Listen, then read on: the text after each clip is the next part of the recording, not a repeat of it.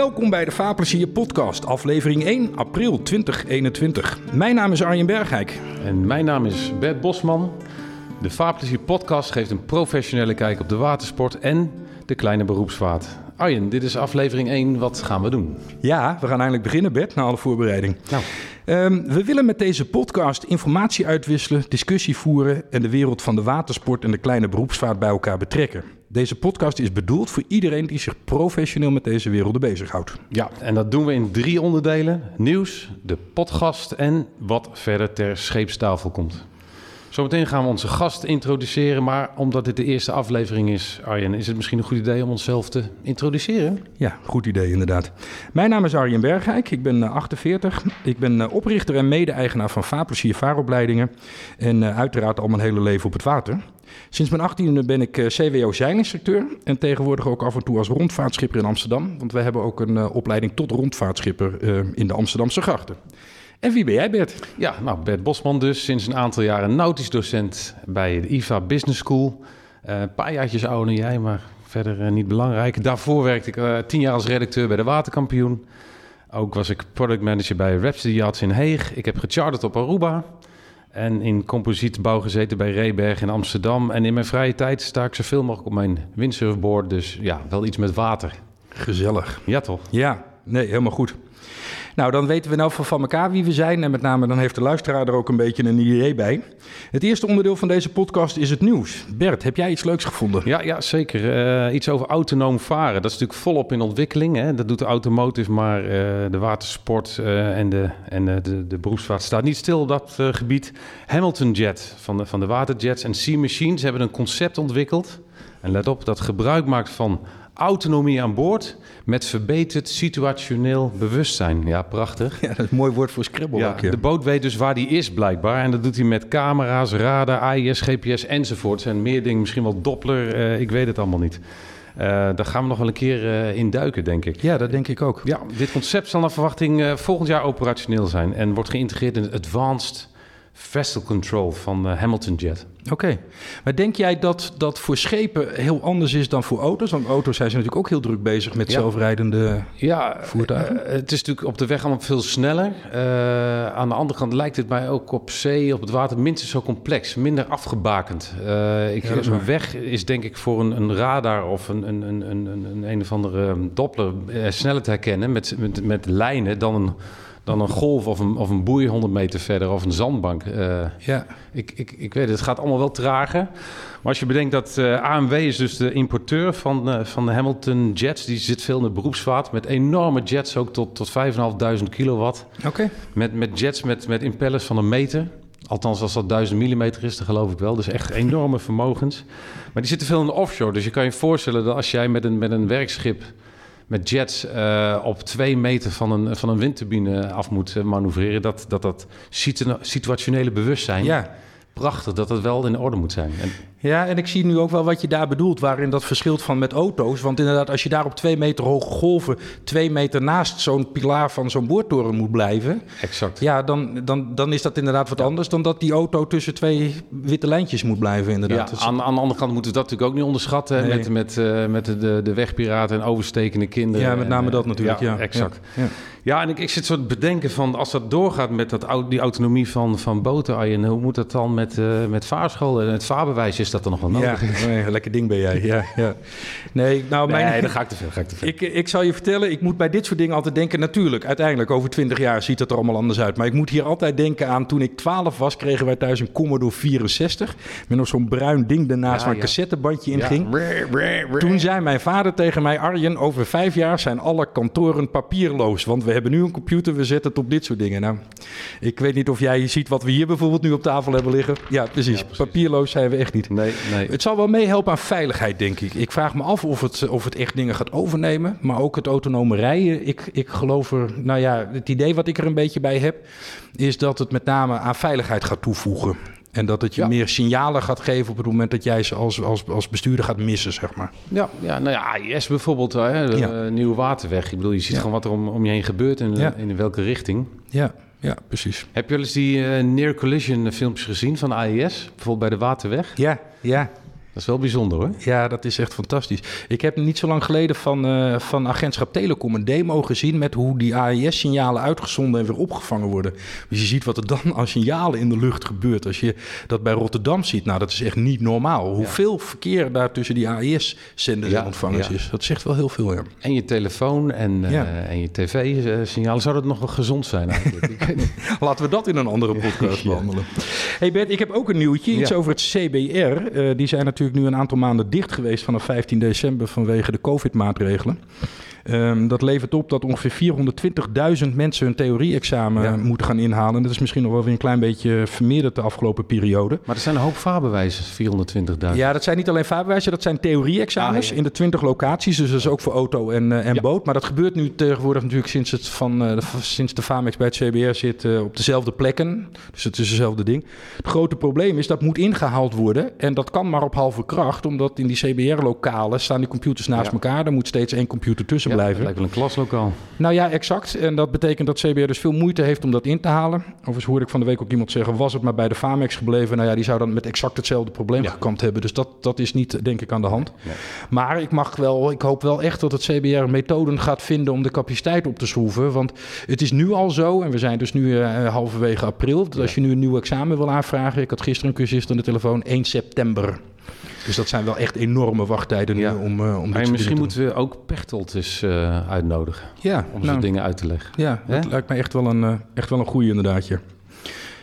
Bert, heb jij nog een ander nieuwtje? Nou ja, in die zin dat ook IVA, nautische IVA-studenten staan opgeleid om, uh, om dat examen te doen. En die zeuren maar mijn hoofd, uh, wij zouden ook daarin samenwerken. Ja. Uh, van wanneer ja, dat nou maar doorgaat. Dus ja jongens, dat hangt af van het virus en de, en de maatregelen. Ja. Ik heb nog een ander dingetje. Um, dat gaat een klein verhaaltje aan vooraf. Mijn collega, uh, IVA-collega Arthur van Bano Siethoff, die, die zond mij, die appte mij van het zomer. Foto's van de Ecolution. Die stond op de wal op een winderige kade in uh, Oog. En dat was niet best, met heel veel aangroei en uh, dat ding leek uh, verlaten. Maar dat bleek achteraf niet zo te zijn. Want onlangs is die te water gegaan in alle glorie. De stichting uh, Wat Duurzaam, dus Wat met een D, Wat Duurzaam heeft het schip opgekocht en dat is omgebouwd tot waterstof-testschip. Ah. Ja, dat was natuurlijk al een, een, idee van duurzaamheid, dat hele schip. Uh, dus bijvoorbeeld ja. uh, regenereren met de schroeven, al zeilend, met die grote aerorigs erop. Die staan ja. er gelukkig nog op. Over duurzaam gesproken, hè? ze zeilen. Je vaart de haven uit, motor gaat uit en zeilen. Zeker. En mij uit duizenden mijlen. Ja. De wereld rond. Ja, nee, geweldig. Hoe ja. duurzaam wil je het hebben? Ja. Dat schip heeft dus een, een tweede leven. Het is ook omgedoopt tot H2, Ecolution, uh, van waterstof. In Engels vind ik het trouwens het, een van de moeilijkste woorden, hydrogen. Ik, ik hydrogen. Kom, ik, ik kom er spontaan nooit, nooit uit, niet dat ik zo vaak over hydrogen heb, maar...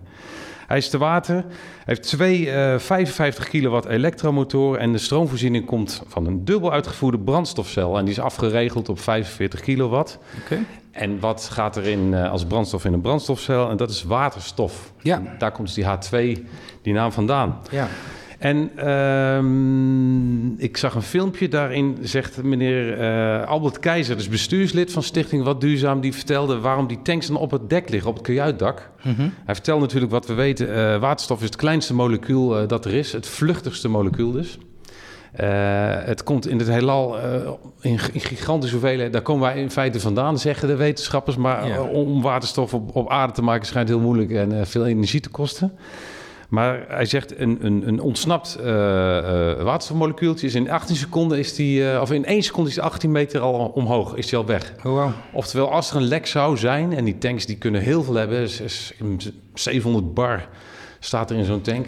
Hè, in je autoband misschien 2,5. Ja. Dat vergelijk. Maar dan, uh, dan kan het nooit tot een, tot een, explosief mengsel komen. En, uh, maar goed, mooi is dat, dat die stichting dat, dat oppakt, die handschoenen. En ook dat schip heeft gered daarmee. Dat, dat is toch een heel bijzonder project altijd geweest van Weilen Wilbur Okkels. Ja, en dat het schip gered is, mooi. En hij is nu vaak klaar. Ze kunnen hij, ligt, hij is de waterreis met okay. uh, trials bezig, als demo, uh, demoschip. Ja, en er komt natuurlijk wel een beetje waterstof aan in Nederland. Want uh, de, met name de havendiensten van Rotterdam ja. en Amsterdam... zijn natuurlijk nu grote bedragen aan het investeren om... Hè, Rotterdam komt een hele ringleiding... waar iedereen die dan in de haven waterstof wil hebben... die kan het daar aftappen. Ja. Uh, het probleem daar is inderdaad nu natuurlijk nog dat het, uh, dat het niet groen wordt opgewekt. Het komt of uit aardgas of het wordt met elektriciteit opgewekt. En dat is dan nog in een aantal gevallen weer eh, steenkool en dat soort dingen. Maar wat zij daar dus wel nu willen doen is windmolenparken nog verder op zee bouwen. Omdat je toch niet dichtbij hoeft te zijn. En dan met door waterstof aangedreven schepen daar die waterstof die die windmolens maken dan hier naartoe varen. En dan heb je een compleet groen en duurzaam traject. Ja, fantastisch. Zijn het die hubs, die eilanden met, met opslag en, en landingsbanen en hele windmolenparken? Eromheen. En, uh... Ja, volgens mij zijn ze ook aan het praten over de Doggersbank inderdaad. Weet je, dat is natuurlijk best een end op zee, maar daar is het dan ineens weer een klein stukje hoger. Dus daar zou je goede dingen kunnen neerzetten. Ja. Voor de elektriciteitsmast is dat lastig, want dan is die afstand met die elektriciteit zo groot en dan raak je veel kwijt. Veel verlies, ja. En elektriciteit is natuurlijk sowieso altijd soms een beetje lastig met opslaan. En dat waterstof kan je gewoon in tank stoppen en dat kan je dan gebruiken wanneer je het nodig hebt. Dus fantastisch. Ja, de ontwikkeling is wel erg mooi inderdaad. Ja, ja. ja, ik denk, dat, dat weet ik zeker, in onze podcast uh, gaan we dat ja. vaker aanhalen. Nou, zeker. Maar Lely begon het er al over, met het marken als, als buffer van energie hè? Windmolens eromheen, die niet voor de, geen energie, energie opwekten, maar, maar het water oppompen. Ja, ja. En als het dan windstil was, dan weer via turbines uh, laten zakken. Ja. En dan was het maar 10 centimeter. Over dat hele meer is dat gigantische hoeveelheid energie. Ja, mooi is dat. Ik, ik, zag inderdaad laatst daarover, met duurzaam gaan we het natuurlijk inderdaad heel vaak over hebben. Een, uh, een, een, programma volgens mij op, op, op NPO 2, waarin ze dus wat alternatieven hadden. En één daarvan is warmte opslaan in basalt. En ze hebben nu dus ergens een proefopstelling met uh, volgens mij 40 huizen eraan, een wijkje. In de zomer doen ze met zonnecollectoren en zonnedingen slaan ze warmte op in dat basalt. En dat blijft dus maanden warm. En dan kunnen ze in de winter kunnen ze met die warmte leidingen doorheen, met water doorheen, kunnen ze daar die huizen weer mee vormen. Ja, dat zijn natuurlijk wel hele mooie, mooie dingen. Er is hoop. Zo is het. Sowieso, als je niet met, met tanks met 700 bar op je boot wil zitten. We hadden trouwens die Mirai van Toyota hadden we op school. Als, ja? als IVA natuurlijk. En uh, denk je, oké, je zit nu op twee waterstoftanks met 5 of 6, 700 bar waterstofgas erin. Zo. Maar goed, het, zijn ultra sterke tanks. Maar ja. het is een alternatief, want uh, we kunnen aan de Power Paste. Dat was een mooi nieuwtje. Dat is uh, Fraunhofer en uit Dresden. Die heeft een, een opslag voor, voor waterstof in pasta vorm. Ah. En het, het, het, zit in een soort cartridge, een soort patroon. En dan gaat, wordt er met een zuiger uitgeduwd. Dus ik, ik stel me daar een soort kitspuit bij voor. maar dan een gigantische hoeveelheid energie erin. Ja. De energiedichtheid zou uh, tien keer zo hoog moeten zijn als een, uh, als een uh, accu, accupakket. Oké. En dan denk ik weer verder van... ja, in plaats van je, je sloepje met, met 200 kilo aan, aan batterijen... misschien maar een cartridge of twee en, en nog reserve in de tas, in de boodschappentas. Ja. Het schijnt ook veel veilig te zijn... Het is een magnesiumhydride en dat komt, eh, dat komt dus uit die cartridge. En samen met water geeft dat uh, energie voor je brandstofcel. Gaaf. Die het dan weer omzet in elektri uh, elektriciteit. En dat, het is dus elektrisch varen. Niet waterstof varen, maar waterstof om energie op te wekken. Nou kijk, eigenlijk is wat wij nu elektrisch varen noemen en ook elektrisch rijden... is natuurlijk, er is een elektromotor en er zitten batterijen achter. Waterstof is een elektromotor en er zit dan een waterstofcel achter. En er is nu een mooi project in de binnenvaart bezig. Daar hebben ze een schip dat vaart met containers. Die heeft gewoon elektromotoren om te varen. Dus daar zitten dus hoeven aan vast. Ja. En die hebben één containerplek. Daar kunnen ze dus of een container neerzetten vol met accu's... En die leeg zijn, kan die dus afzetten en er nieuwe opzetten. Of een waterstofcel met waterstoftanks erin. Dus die eigenaar die zegt, het maakt mij niet uit wat de komende 20 jaar gebeurt. Of nou accu's het winnen of waterstof het wint. Motoren, dat hele geval blijft hetzelfde. En die container is gewoon waar de stekker in gaat. En ik, hoor, ik hoor wel van jullie of dat accu's of dat dat waterstofcellen worden. Ja. dat is wel een mooi systeem, vind Met het grote voordeel van elektrische motoren die uh, enorm koppel hebben op alle toeren. Fantastisch, en, uh, ja. Fantastisch en stil. Ja, mooi hè? Ja, er, gaat, er gebeurt van alles. Mooi. Even kijken daar, die pasta dus. Ja, ik, ik zou dus een cartridge willen zien. Ik vond daar geen plaatje van, maar uh, interessant. Een collega van mij zei, ik heb natuurlijk allemaal technische collega's hier op, op de IVA. zeggen, dat is wel heel veel energie in een kleine ruimte. En dat, dat, dan moet je echt over veiligheid nadenken. We hebben ja. gewoon gezien die onblusbare Tesla's, hè, die ja. gewoon drie dagen in, in bak met, met water moeten staan. Zo machtig veel energie er in die ja. accu's zit. Ja. Dus in een, in een, in een, in een kitspuit met uh, power paste, moet, ja, moet, daar wordt over nagedacht, neem ik aan. Ik heb er wel een plaatje bij nu je het zo uitlegt. Ja, ik, ik, zie, ik zie steeds uh, dat bijvoorbeeld uh, in de jachthaven loopt er een mannetje met, met een rek en met een tas met power paste cartridges. Iemand nog power paste? ja, je, je weet niet waar het heen gaat. Ja, nee, ik ben het helemaal met je. Mooie ontwikkeling. Cool. Goed, tot zover het nieuws. We hebben in elke aflevering van de Vaarplezier podcast hebben we ook een Vaarplezier. De gast. De gast. De gast. De gast. De gast. De gast. De Vaarplezier podcast. En in deze eerste aflevering is dat Yvonne Zwaan, hoofdredacteur van het blad Motorboot. Yvonne, leuk dat je er bent. Ja, dankjewel. Je zat al een tijdje naar onze verhalen te luisteren, en, Ja. eh, maar nu is het jouw beurt. Ja, leuk dat je er bent, eh Yvonne. Eh, als je trouwens in tussentijd een, eh, een bitterbal wil hebben, er staan bitterballen. Die zijn net heel vriendelijk voor ons neergezet. Ja, ik heb me er nog niet aan gewaagd, maar Nee, nou, ze staan er inmiddels een paar minuten. Dus verleidelijk uit. ja, nou, we kunnen ze ook na afloop doen. Dan zetten we ze nog even in de magnetron als ze afgekoeld zijn. Dat komt het allemaal goed. Hey Yvonne, leuk dat je er vandaag bent. Onze allereerste aflevering. We hebben je niet helemaal per ongeluk gevraagd, want we weten dat je met jou altijd een goed gesprek kunt voeren. Dat hebben we, Bert en ik alle twee in het verleden al wel eens meegemaakt. Laten we eens beginnen met jouzelf. Hoe is het in deze COVID-tijd met jou? Oh, wil je dat echt weten? Ja, Ja, ja. Nou, eigenlijk wel goed hoor. Eh, het is natuurlijk wel zo eh, dat ik ook inmiddels alweer een jaar, denk ik, eh, voornamelijk vanuit huis werk. Samen met mijn eh, collega's. En eigenlijk alleen voor reportages en eh, testvaarten, die gelukkig nog wel gemaakt kunnen worden, eh, ben ik op pad. Ja, en, en zo nu en dan voor een bespreking die echt niet eh, via een videocall kan. Ja. Maar ja, het is dus eh, wat saaier dan normaal gesproken. Ja. en, en eh, dan op, je komt op een boot bij een werf, je gaat testen en dan heb je, zit je dan in het stuurhuis met kapjes en... en, en Nou, ik moet heel eerlijk zeggen dat over het algemeen eh, we dat, ja, dat de werven dat eigenlijk ook niet van ons vragen. En eh, we hebben wel altijd een nadrukkelijke afspraak van, nou, probeer met zo min mogelijk mensen eh, aanwezig te zijn. Dus ik doe ook heel veel testen nu alleen. Eh, waar ik normaal nog wel eens een collega meeneem, ook voor een stukje, ja, eh, opleiden, zeg maar, Ja. en, en eh, kennis delen. Ehm, kiezen we er nu toch echt voor om het alleen te doen. En, ehm, en we hebben vooraf even contact van jongens, is iedereen klachtenvrij? Is het verantwoord?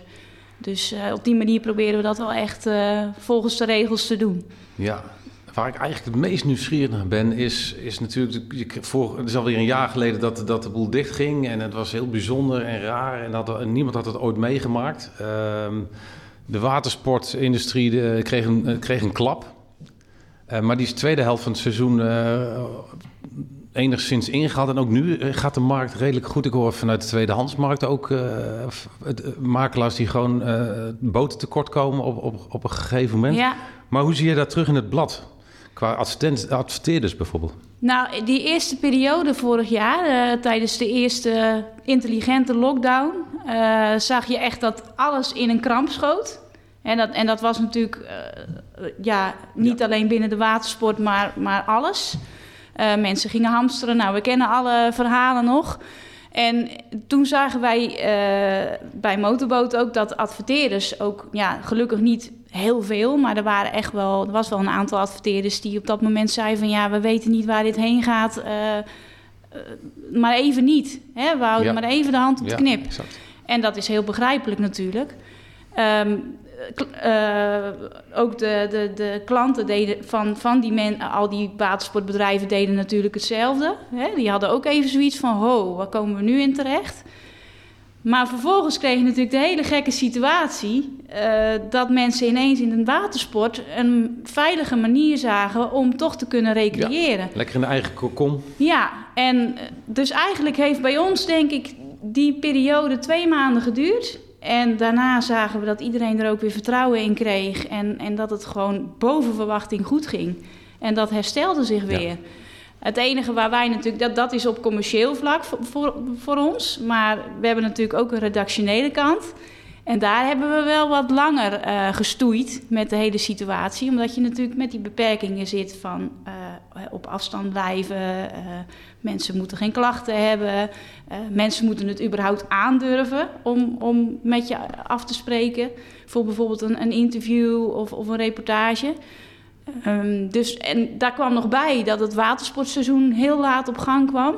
We hebben heel lang te maken gehad met een, eh, een winterregime voor bediening van bruggen en sluizen bijvoorbeeld. Dat zo, Jachthavens ja. die Oh, ja. dicht waren. Ja. En daardoor hadden wij een hele mooie planning. Maar die kon voor een deel zo de prullenbak in. Omdat eh, die artikelen gewoon niet gemaakt konden worden. En dat was wel even spannend.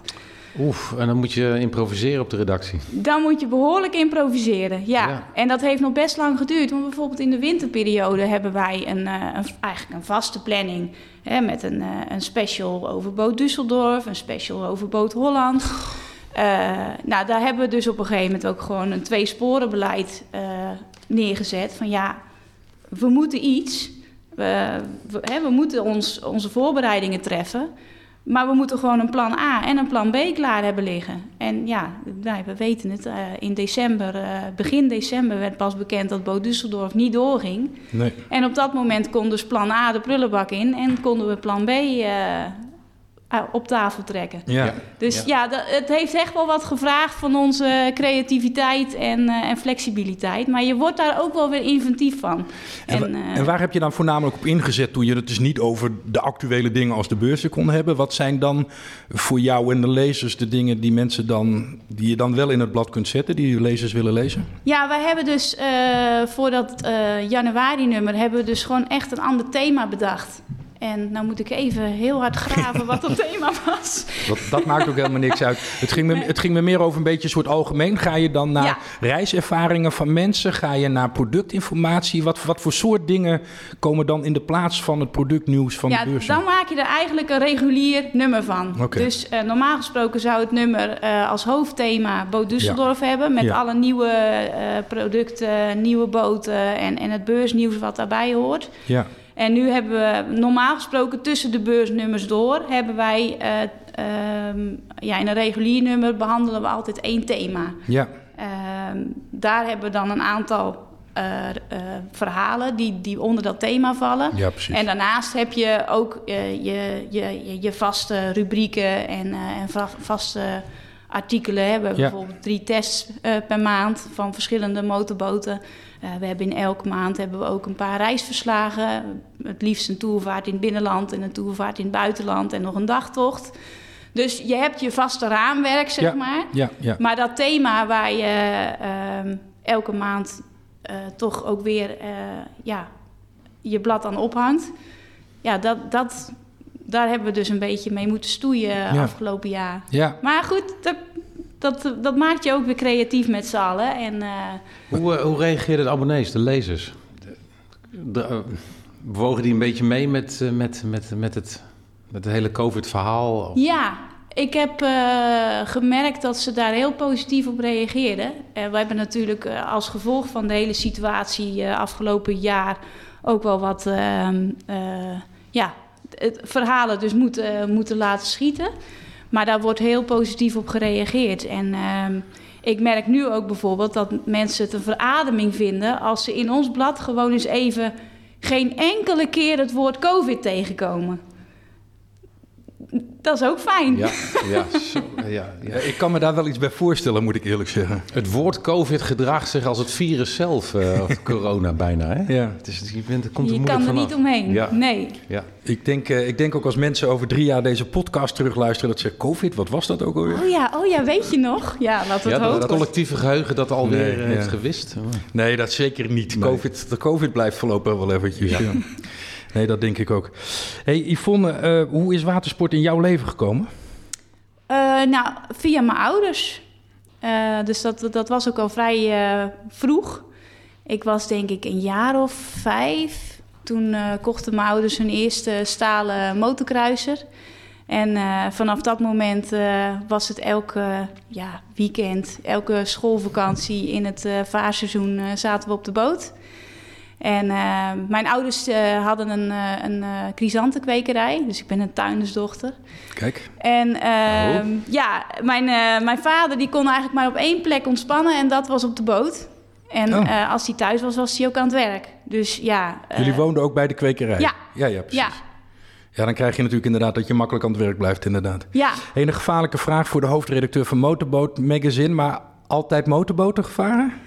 Uh, nou, ik heb wel een paar jaar een uitstapje gemaakt naar een uh, surfflank. Uh, maar die ging dan wel mee op de motorboot. Ja, precies, dus dat telt ook, hè? Ja. Nou, en... ik zat net te denken, komt niet binnenkort in motorboot misschien de eerste X-yacht? Ja, nou... De, de Power 33 Ja, de, de afspraak staat dat zodra die in Nederland Yes. is, uh, wordt er een proefvaart meegemaakt. Ja, ja, dus inderdaad, ja, ja joh, tegenwoordig. Er, er zijn al zoveel uh, zeilbotenbouwers overtuigd zeilbotenbouwers die inmiddels ja. ook met een eerste motorjacht op de markt komen. Dus, ja, ik uh, moet aan Contest denken. Ik zat laatst ook nog, uh, had ik met de studenten over, uh, over, over ETAP natuurlijk. Omdat ja. het over condens ging en isolatie. Die hadden natuurlijk die hele dikke sandwich. Ja. Maar die hebben ook ooit Bij mij Klopt. weten, maar dat kunnen de gasten, eh dat kunnen de luisteraars mij misschien voorbij. één motorboot gebouwd. Ik heb daar zelfs nog een keer mee gevaren. Kijk. Dat is een Belgische werf, toch? Ja, zeker. Ja. En eh, Domani heb je ook. eh, die die Ja. zijn natuurlijk ook aan de weg aan het timmeren met Ja. een elektrische motorboot. Dus ja. Nee, en eh, om, om op je vraag terug te komen. Ik heb dus ook nog een tijdje een, eh, een zeiljolletje gehad. Dat was dan ons bijbootje met een deelbaar masje en een, groot zeil en een fok. Dus ik heb zelfs nog een beetje gezeild. Huppakee. Kijk. Ja, maar het motorbootvaren is wel een beetje de rode draad. Dat, eh, op mijn zevende stond ik voor het eerst op waterskis. En eh, dat, is, dat ben ik ook altijd blijven doen. Ik sta nog steeds elke zomer wel eens op, eh, op skis. Dat heb ik wel eens gelezen in jouw voorwoord, inderdaad. Ja, ja, dat je dat nog dat wel eens doet. Ja, nee, dat klopt. Ja, ja, ja. Ja, er zijn ook nog foto's van eh, de dag na onze, ons trouwen. Dat we op, eh, in vol ornaat op waterskis hebben gestaan. Oh, ja? eh, ja. Jullie zijn niet getrouwd op de waterskis. Dit was gewoon de dag Nee, daarna. dat was de dag daarna. Leek ons handiger. Wa- wa- ja. Wacht even, vol ornaat? In je trouwjurk? In trouwjurk. Ja, ja, ja. ja. Oh, echt in je ja, trouwjurk? ja, zeker. Oh, dat is wel gaaf. Ja, daar hebben we dus ook speciaal voor geoefend toen zomers, want we gingen trouwen in september. ja, dat was echt helemaal lachen. Want eh, als, jij met zo'n trouw, als jij met zo'n trouwjurk vanuit het water moet starten, dan ben je veel te zwaar. Ja, natuurlijk. Dus eh, wij hadden een constructie bedacht waarbij ik dus op de boeg van een bijbootje ging zitten. Ja. En mijn man op de boeg van een ander bijbootje. Dan met z'n tweeën achter dezelfde speedboot. En dan op het goede moment starten met z'n allen. En dan, nou, dan konden we zo droog gaan staan. Zijn- Zijn hier nog foto's van u? Ja, daar is een hele fotoreportage van. Het lijkt me echt super gaaf. Ik vind het, ik, maar ik dat meen ik serieus, ik vind het echt een mooi verhaal. Want, eh, hoe zit watersport in je? Nou, de dag na het trouwen gaan mijn man en ik, eh, ik in trouwjurk, hij is in trouwpak, gaan we op waterski Ja, staan. ja, Ik dat vind zegt wel iets. Ja, ik vind dat echt heel mooi. En, en motorbootvaart zit dus in je bloed. Zelfs, eh, ik hoor surfplank en een jolletje. Maar ehm, het, het, het- het stap naar schrijven, zat, was dat ook een logische stap? Ja, geen idee. Het is zo gelopen. ja. Ja, nee, ik heb eh, in het begin van mijn eh, werkzame leven eh, heb ik in commerciële functies gezeten. En ik, ik, ik schreef altijd al wel makkelijk. Maar ik, ik had nooit bedacht dat ik daar mijn beroep van zou maken.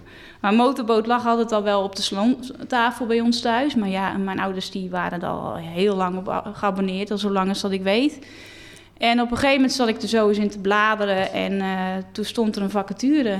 En ik dacht, ja, nee heb ik, ja kan ik krijgen. zo is en eh, ja, zo, zo is het gekomen. ja. Hoe lang is dat geleden? Eh, dat was 2006. Dus eh, dat is alweer een heel poosje geleden, ja. 15 jaar als ik het even snel uitreken. Ja. Ja, Ja. ja.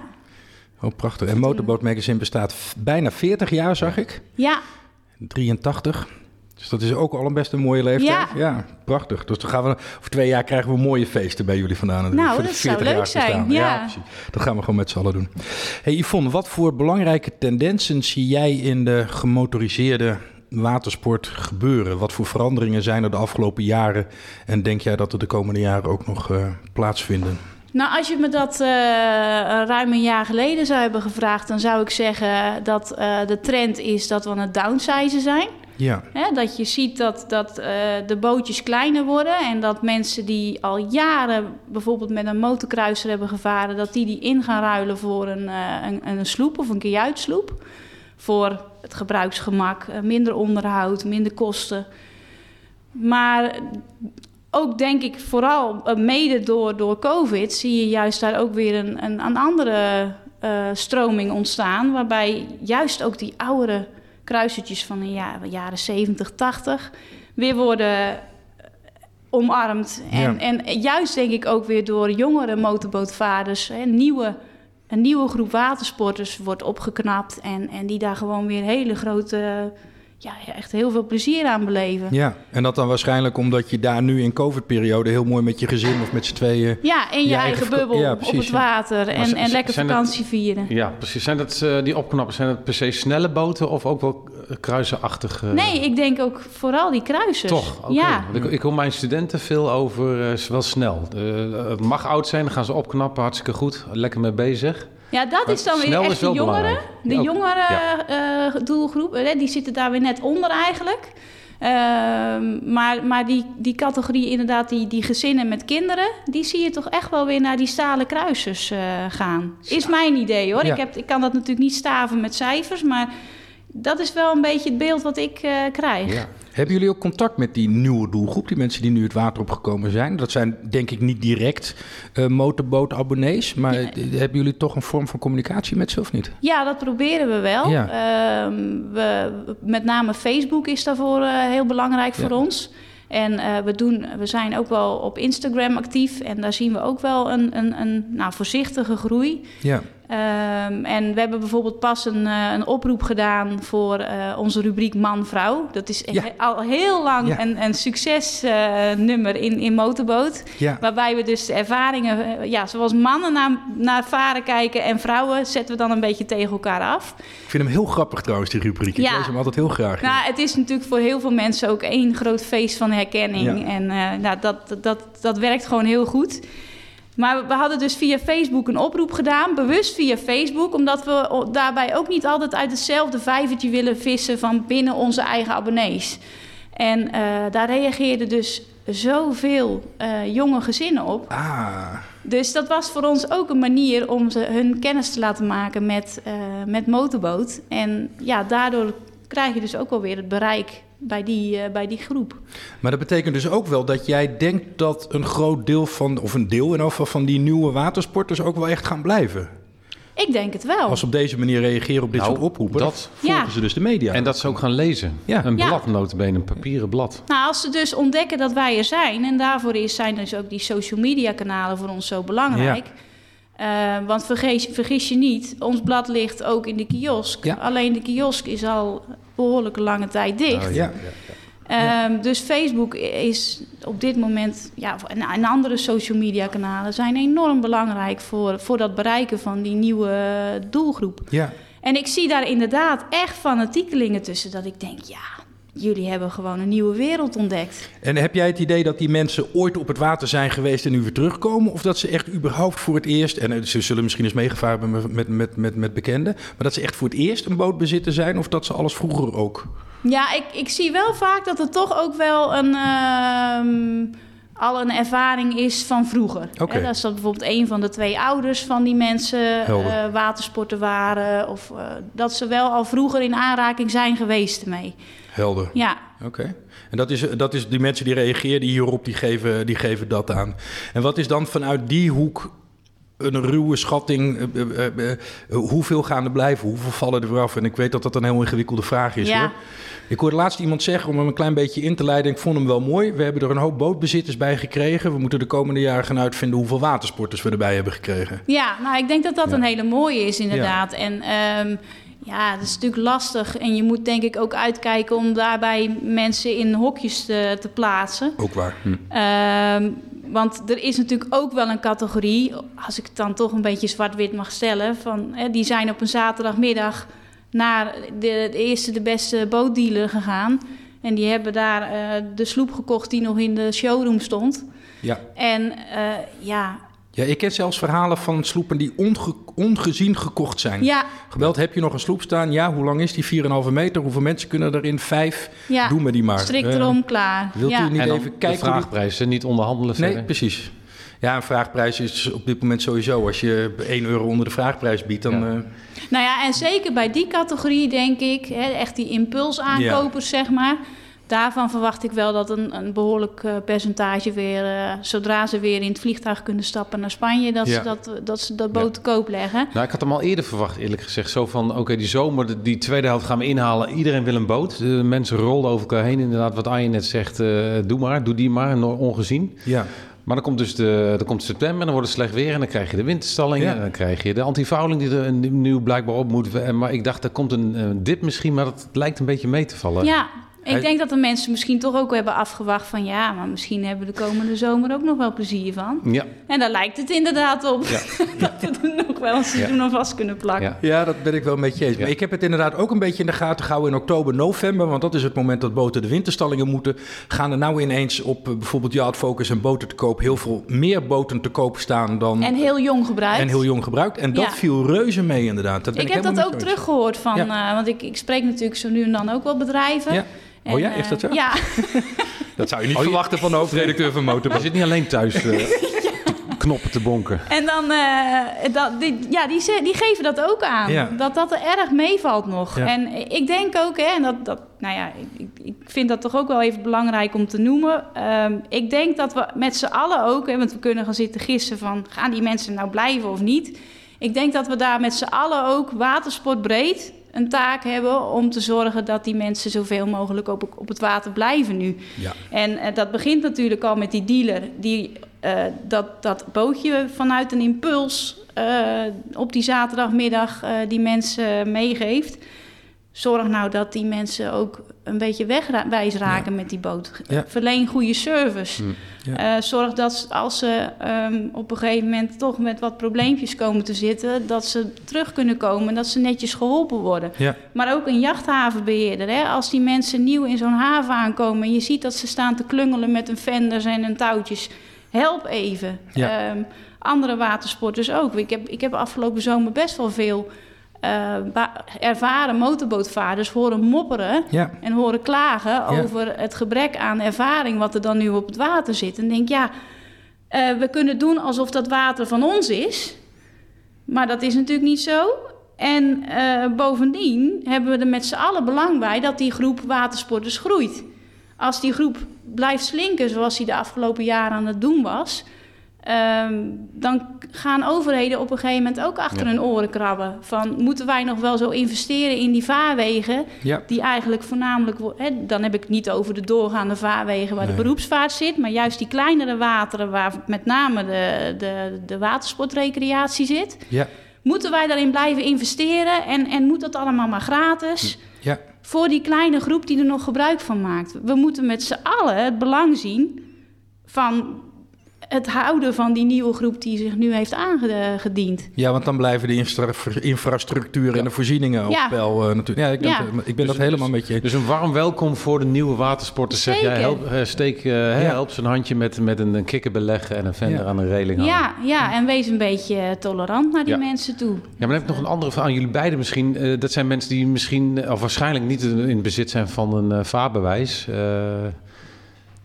Daar, had, je, had je daar al een tendens gezien, Arjen? Of is dat door COVID ook eh, min of meer onderuit gehaald? Dat mensen jou kwamen opzoeken voor, voor nee, er is, er is wel een stijgende tendens naar vraag, eh, vraag voor, eh, voor vaarbewijzen. Ja.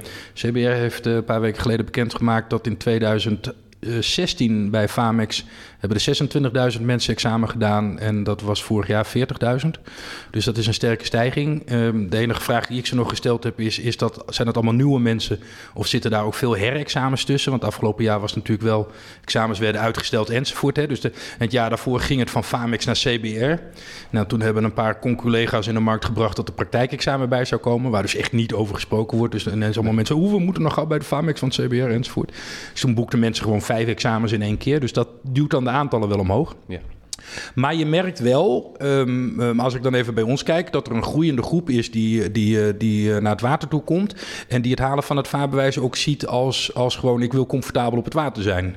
En, en die het vaarbewijs dus haalt omdat ze gewoon, ja, ik wil de regels kennen, ik wil weten Ja, hoe het zit. dus, Want, dus niet omdat het moet, maar omdat ze denken... Ja. eh, het is toch wel lekker om even een paar eh, Ja. tonnen en, en, die, en die richtingen Ja. uit elkaar Ja. te houden op Ja. het water. Ja. Het blijft namelijk opvallend. En ik heb de afgelopen jaren op bijvoorbeeld de Indoor Hiswaard, die er nu niet meer is. Maar heb ik met Varen Doe je samen de quiz mogen presenteren die we daar deden. Introvraag was natuurlijk altijd wie heeft er een vaarbewijs? Nou ja, goed, daar krijg je dan wat dingen over. Tweede vraag was altijd, stelden wij, u vaart op een boot waarvoor u geen vaarbewijs eh, hoeft te hebben. Moet u dan toch de vaarregels kennen? En het bleef bij mij zo opvallend dat echt 30 tot 40 procent dan zegt, nee, dat hoeft dan ook niet. Nou, dan roepen wij dat altijd. Maar jongens, het is gewoon echt net als fietsen. Als jij op je fiets door het rode licht, eh, licht rijdt en je krijgt een bekeuring... zegt de rechter daarna echt niet... oh, maar u hebt geen rijbewijs? Nou, dan hoeft u de regels ook niet te kennen, hoor. Ja, ja. Het, is echt, eh, het, het blijft opvallend eh, dat, er, dat er toch altijd een soort hardnekkige groep is... die zegt, als je geen vaarbewijs nodig hebt... hoef je ook de verkeersregels niet te kennen of zo. Dus, goed. Yvonne, dankjewel voor het interview. Blijf nog eventjes zitten, want we gaan nog even doorpraten... en daar hebben we ook jouw input bij nodig. Maar op dit moment gaan we even naar eh, het vaarplezier veiligheidsfeitje.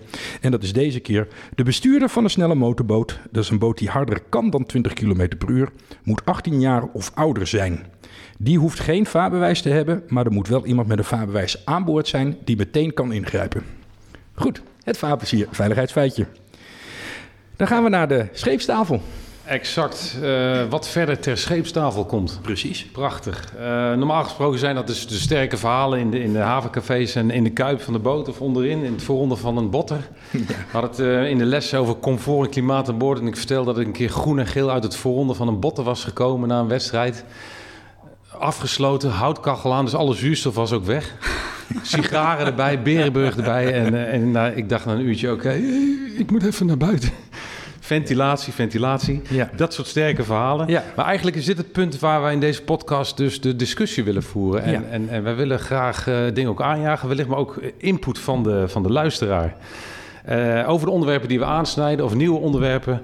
En eh, wij nodigen luisteraars graag uit om te reageren op deze podcast. En dat kan via podcast.vaarplezier.nl. Zo is het. Ik herhaal. Ja, herhaal. Podcast.vaarplezier.nl.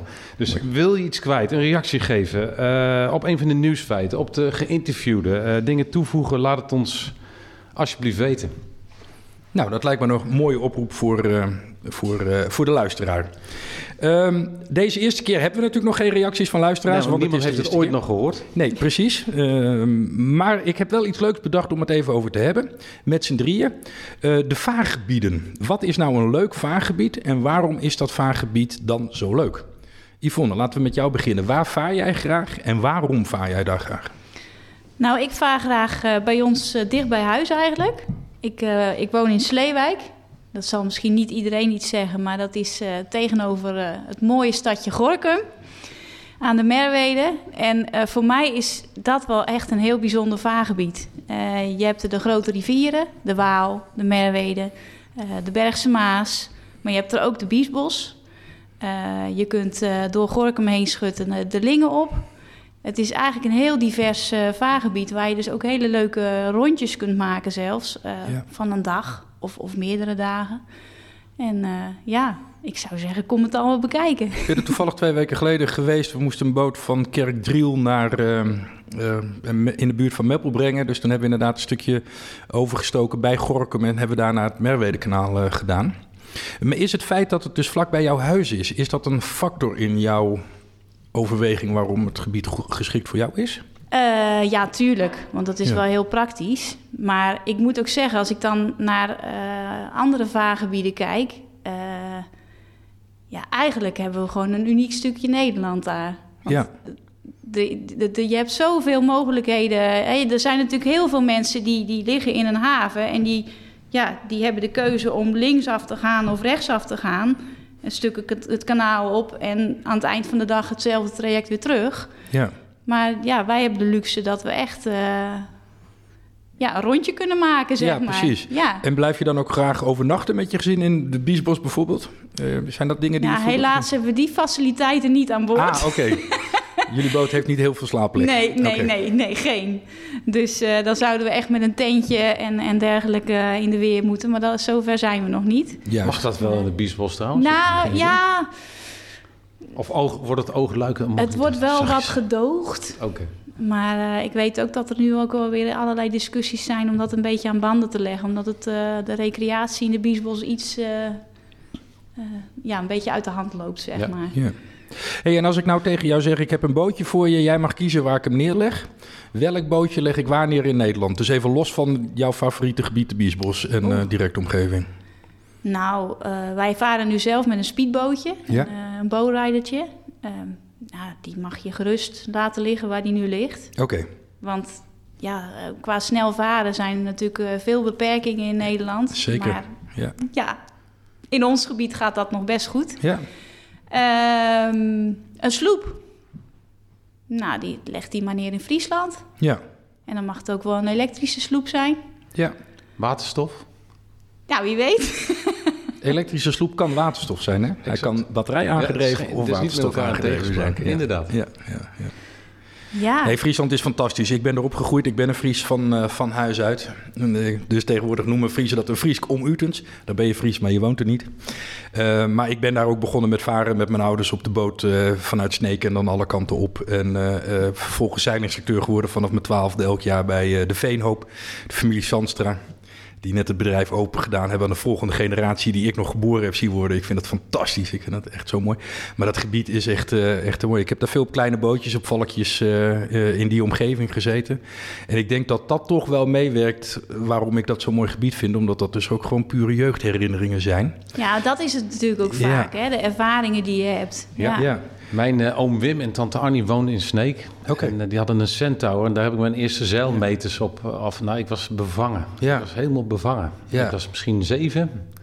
Fantastisch. En die boot lag in een schiphuis, had ik ook nog nooit gezien. Dus dan gooi je een, een deur van een loods open en dan is er geen betonvloer of vloer, maar water. Ja. Nou, ik, dat begreep, dat moest ik al helemaal verwerken. Ja. Nou, en dan gaat die, die kap die een centaur heeft, die kuipdeksel die gaat eraf en dan krijg je die, die polyestergeur. Dan kreeg ik al een soort, uh, een soort ringeltje. Ja. En toen die mast omhoog en, en, en de motor aan. En, maar vooral een moment, motor uit. Ja. Dus hou ik of motor uit en dan op de zeilen verder. Nou, ja, ik ken dat. Ik moet eerlijk zeggen, ik heb daarna wel in mijn broek gescheten, want het, het waaide behoorlijk en er stond water in de gangborden. Dus ik had wel, ik had wel een soort, uh, soort angst. Maar toen zei mijn grote neef Jan, die kiel onder deze boot, die is, uh, die is bijna hals zo zwaar als de auto van je vader. Toen dacht ik, uh, toen kreeg ik een soort vertrouwen in, ja. dan zal het wel kloppen. Ja. Nou, dat was ook Friesland, dus Sneken. Ja. ja, ik heb dus veel vakanties op, op de motorboot met mijn ouders gehad, op een, uh, op een, op een, op een flat. Uh, mooi, mooi één verdieping, zal ik maar zeggen. Weet je wel, en achter dubbele deuren open en dan heb je een soort verlengde.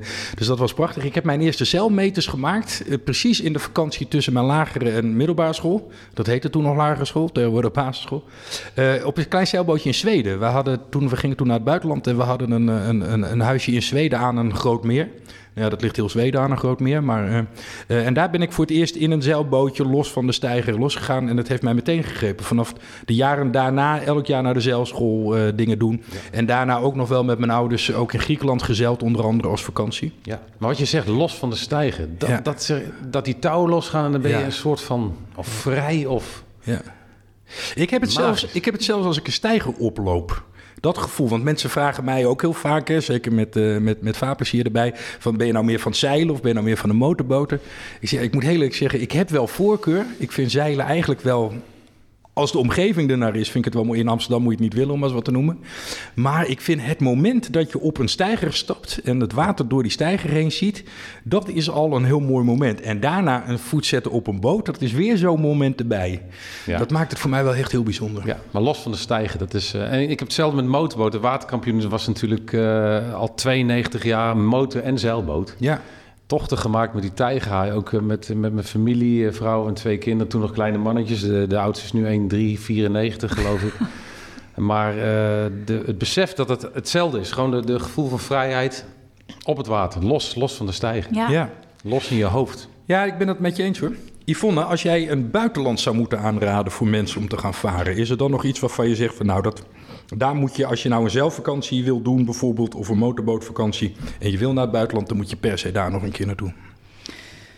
Oeh, dat is een lastige. Uh, zelf heb ik. Uh, oh, jij vertelde net over jeugdherinneringen ja. aan, aan uh, Zweden. Zo heb ik zelf herinneringen aan uh, de, de, met de motorboot Maas Moezelrijn.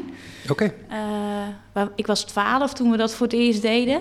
En dat was toen echt nog wel avontuurlijk. Nu, nu doet iedereen dat, geloof ik. Maar um, ik, ik vind Frankrijk vind ik wel echt zijn charme hebben. Alleen het, het lastige is natuurlijk de laatste jaren dat, dat um, het VNF nog wel eens een beetje achterloopt in uh, een stukje onderhoud van sluizen en, en, en dergelijke. Ja, ja dat en dat, ze, dat ze problemen hebben met uh, lage waterstanden. Uh, sommige kanalen zijn ook al een aantal jaren onbegaanbaar voor, voor motorboten. Dus ja, um, ik, ik zou het zelf uh, geweldig vinden om uh, als, als meer Nederlanders naar, naar Frankrijk zouden gaan. Alleen ik weet ook dat, dat, ja, dat daar nu de nodige beperkingen aan zitten. Ja, precies. Oké. Ja, ik, ik ben dus helemaal dol op zeilen in Griekenland. Ik vind het zo ontzettend mooi daar. Ik ben afgelopen september nog net voordat het allemaal weer uh, verkeerd ging, okay. uh, ben, ik, ben ik daar nog even geweest. Ik vind het zo. Ik, afgelopen paasweekend was ik weer op de Noordzee. En ik vind de Noordzee echt heerlijk om te zeilen. Maar als je dat dan vergelijkt met Griekenland, en met name de uitzichten en de bergen en de kleur van het water enzovoort. Temperatuur. Ja, temperatuur, ja, werkt ook wel een klein beetje mee. Ja, ja wel echt heel gaaf. Ja. Ja, ik ben verwend uh, op Aruba, drie jaar op Aruba gewoond. Ja. Maar zeiltechnisch is het daar uh, eigenlijk of alles of niks. Ja. Ik heb dan gecharterd, maar in, in de baai, zeg maar, aan de oost, aan de luwte en de, aan de lijkant van het eiland. En de zuidpunt en de, de, de, de, de oost, de loefkant is echt een verschrikking. Dat is echt hè, stroming en golven. En, dus het is eigenlijk niet echt een zeilgebied. Windsurfen natuurlijk wel. Ja. Maar drie keer de Cambrace gevaren naar Noorwegen. Nou, dat, dat is een sprookjeswereld. De, het licht en de ook bijna blauwe zee. En, en Ja. hele wonderlijke, dat licht. De foto's, alle foto's lukken op de een of andere manier. Ja. Zelfs, zelfs door mij. mijn foto's, nee, het is de, dat, over, ja, dat is wel mijn, een van mijn favoriete zeilgebieden. Prachtig. Nou, mochten de luisteraars zeggen die, uh, er zijn die zeggen... we hebben een, uh, een geweldige tip, podcast.vaarplezier.nl. Maar dat mag je ook naar Yvonne mailen. Uh, ga naar de website van Motorboot, dan staat daar ongetwijfeld een mailadres op. Zo is het. podcast.vaarplezier.nl Precies, die. Dan zijn we aan het einde gekomen van deze eerste aflevering, Arjen en Yvonne. Van deze Vaarplezier podcast. De eerste, de primeur. Leuk. Ja, mooi hè? Ja, heel mooi. Ja, absoluut. Yvonne Zwaan, dank voor je komst en je uh, ja, je, je, interessante en, en uh, analytische verhalen. Ja. En passionele verhalen ook. Ja. Nou, ja. jullie ook bedankt. Het gaat niet de laatste keer zijn dat wij elkaar in deze podcast uh, spreken, vermoed ik. We danken ook Benno Hendricks voor de intromuziek en Marco Schrijver voor het sounddesign. Deze podcast verschijnt elke twee weken, maar tijdens evenementen af en toe ook vaker. Bijvoorbeeld straks tijdens de Heerswarte Water. U kunt elke aflevering terugvinden op vaarplezier.nl. Ja, en wilt u nooit een aflevering missen, dan kunt u zich ook abonneren op de podcast. In bijvoorbeeld Spotify, Apple Podcast of een andere podcast player. Nogmaals, hebt u vragen, suggesties, opmerkingen, verbeteringen of wilt u iets anders kwijt? Mail ons dan. Zo is het. Voor nu hartelijk dank. Zijn naam is Bert Borstman. En zijn naam is Arjen Bergheid.